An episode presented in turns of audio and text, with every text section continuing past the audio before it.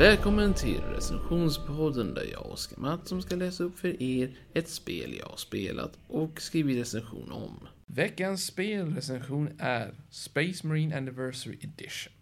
Detta spel kom ut originaltiden 2018 och tog världen med storm med sin tredje persons stil, third person gameplay. Detta spelet skapades utav en, en samling av allians mellan Relic Entertainment och originalutgivarna THQ som inte ska mixas med THQ Nordic.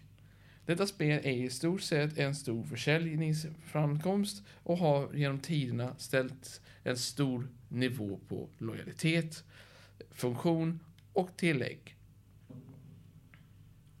Spelet är utvecklade THQ, gick tyvärr i konkurs och Relic Entertainment som köpte upp mestadels av spelet sökte senare sammankomst med nya ägare för att hitta en chans och hitta en en möjlighet att kunna utöka storyn. De hittade detta genom Sega som planerade att göra Space Marine 2 framtid, i framtiden. Tyvärr är tidsbestämningen inte än fastställd, men vi har sett en trailer nyligen som var för ett par månader sedan om detta spelet och förhoppningsvis så kan vi nog se det inom detta eller nästa år. Man vet ej.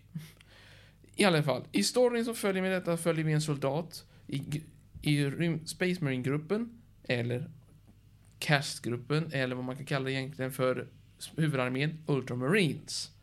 Som är en särskild grupp av Space Marines. De har en viss förmåga att inte misslyckas. Det kan vara en pepp, en, en förbannelse eller liknande, för de har förmågan att vara bra.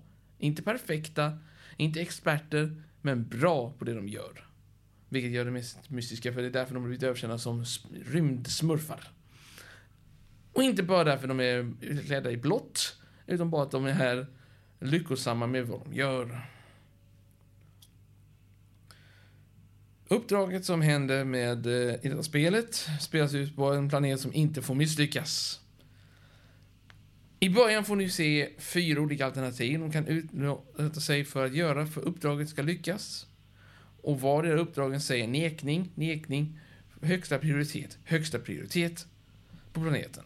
Planeten tillhör en speciell kvalifikation som kallas för Forge World.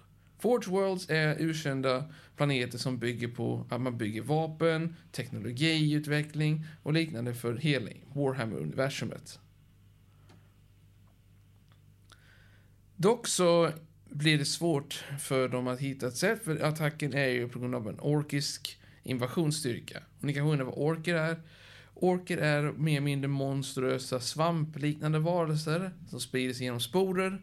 Därav finns det inga kvinnliga versioner av dem, utan de är manliga mestadels. Allihopa blodtörstiga på krig och framförallt leder bara till mer katastrof. Orkinvasionen på den här planeten skulle leda till en total stopp i viss produktion, vissa vapen och liknande ting skulle bli plötsligt svårt att tillgång i den här sektorn. Och det skulle leda till att orkarna skulle bara springa igenom alltihopa och spränga allt i sin väg. Vi följer då igenom detta med en kapten i Ultramarine-fraktionen som heter Titus. Titus är en ovanlig och ändå vanlig soldat.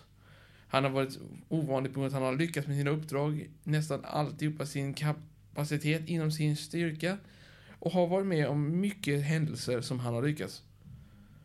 Dock så bryter han mot en av de viktigaste reglerna inom regelboken för Space Marines, som kallas för Codex Extartis. Som, betyder, som är latin och betyder basic regelbok. Vilket också kan samtyckas som alltså en basisk regelbok. Alltså, en, alla regler följer denna bok. Bryter du en av reglerna, riskerar du att bli antingen missbehandlad eller omplacerad. Regelboken är om kriget om människoimperiet inom in människoimperiet och ska följas till punkt och pricka. Spelet spelas ut inte i den medeltida versionen utav Warhammer, utan spelas ut i den 40 000 versionen, eller 40K som det heter. En dystopisk framtid där allting handlar, eller kommer handla om, genom krig. Anniversary Edition innehåller 12 DLC, nedladdningsbara tillägg. Detta är både utseende, banor och vapen. Jag har personligen spelat genom spelet när det kom ut. Då var inget Anniversary-tillägg tillgängligt. Men jag kan ge nu en glädje information att alla dessa DLC som var separata, som du inte kanske har, men du äger huvudspelet, är nu gratis till huvudspelet. På grund av att de har uppgraderat det till Anniversary Edition. Vilket betyder att alla de där tilläggen som en gång du inte kunde få tag i, finns nu med i spelet från början. Så att alla ska kunna spela det. Det är vad jag kan kalla ett otroligt steg framåt. För många spel som kanske tycker, ja, vi föredrar att folk spelar detta spelet. Varför inte ge dem alla grejerna så de kan spela med varandra? Den e- AE-versionen, eller Anniversary Edition, kom ut 2021 och har med det uppgraderats till allihopa som kommer köpa eller har köpt spelet. Mitt betyg för detta spelet är 8 av 10. Varför inte 10?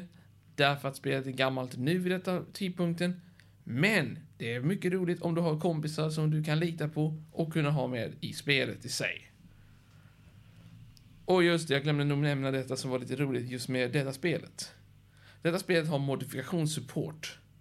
Vilket betyder att du kan ändra små saker till spelet, men du kan inte ändra hela alltet. Du kan inte lägga till storydelar, men du kan ändra om så din karaktär, Titus, inte tillhör Ultramarines, eller utan tillhör någon annan faktion som finns i spelet.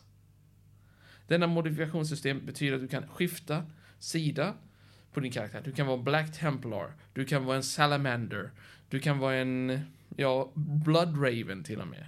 Och ni kanske undrar vad Blood Raven är, så är det detta ett eh, gammalt skin som tillhör mer eller mindre, ja, huvudsakligen alla Warhammer-spel som släppts på ett långt tag. De, sista, de enda spelen som, inte, som är äldre var Ultramarines av någon anledning.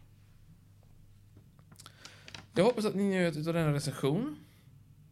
Och jag hoppas att ni fortsätter lyssna vidare på när vi fortsätter med nästa spel, recension. Tack för mig.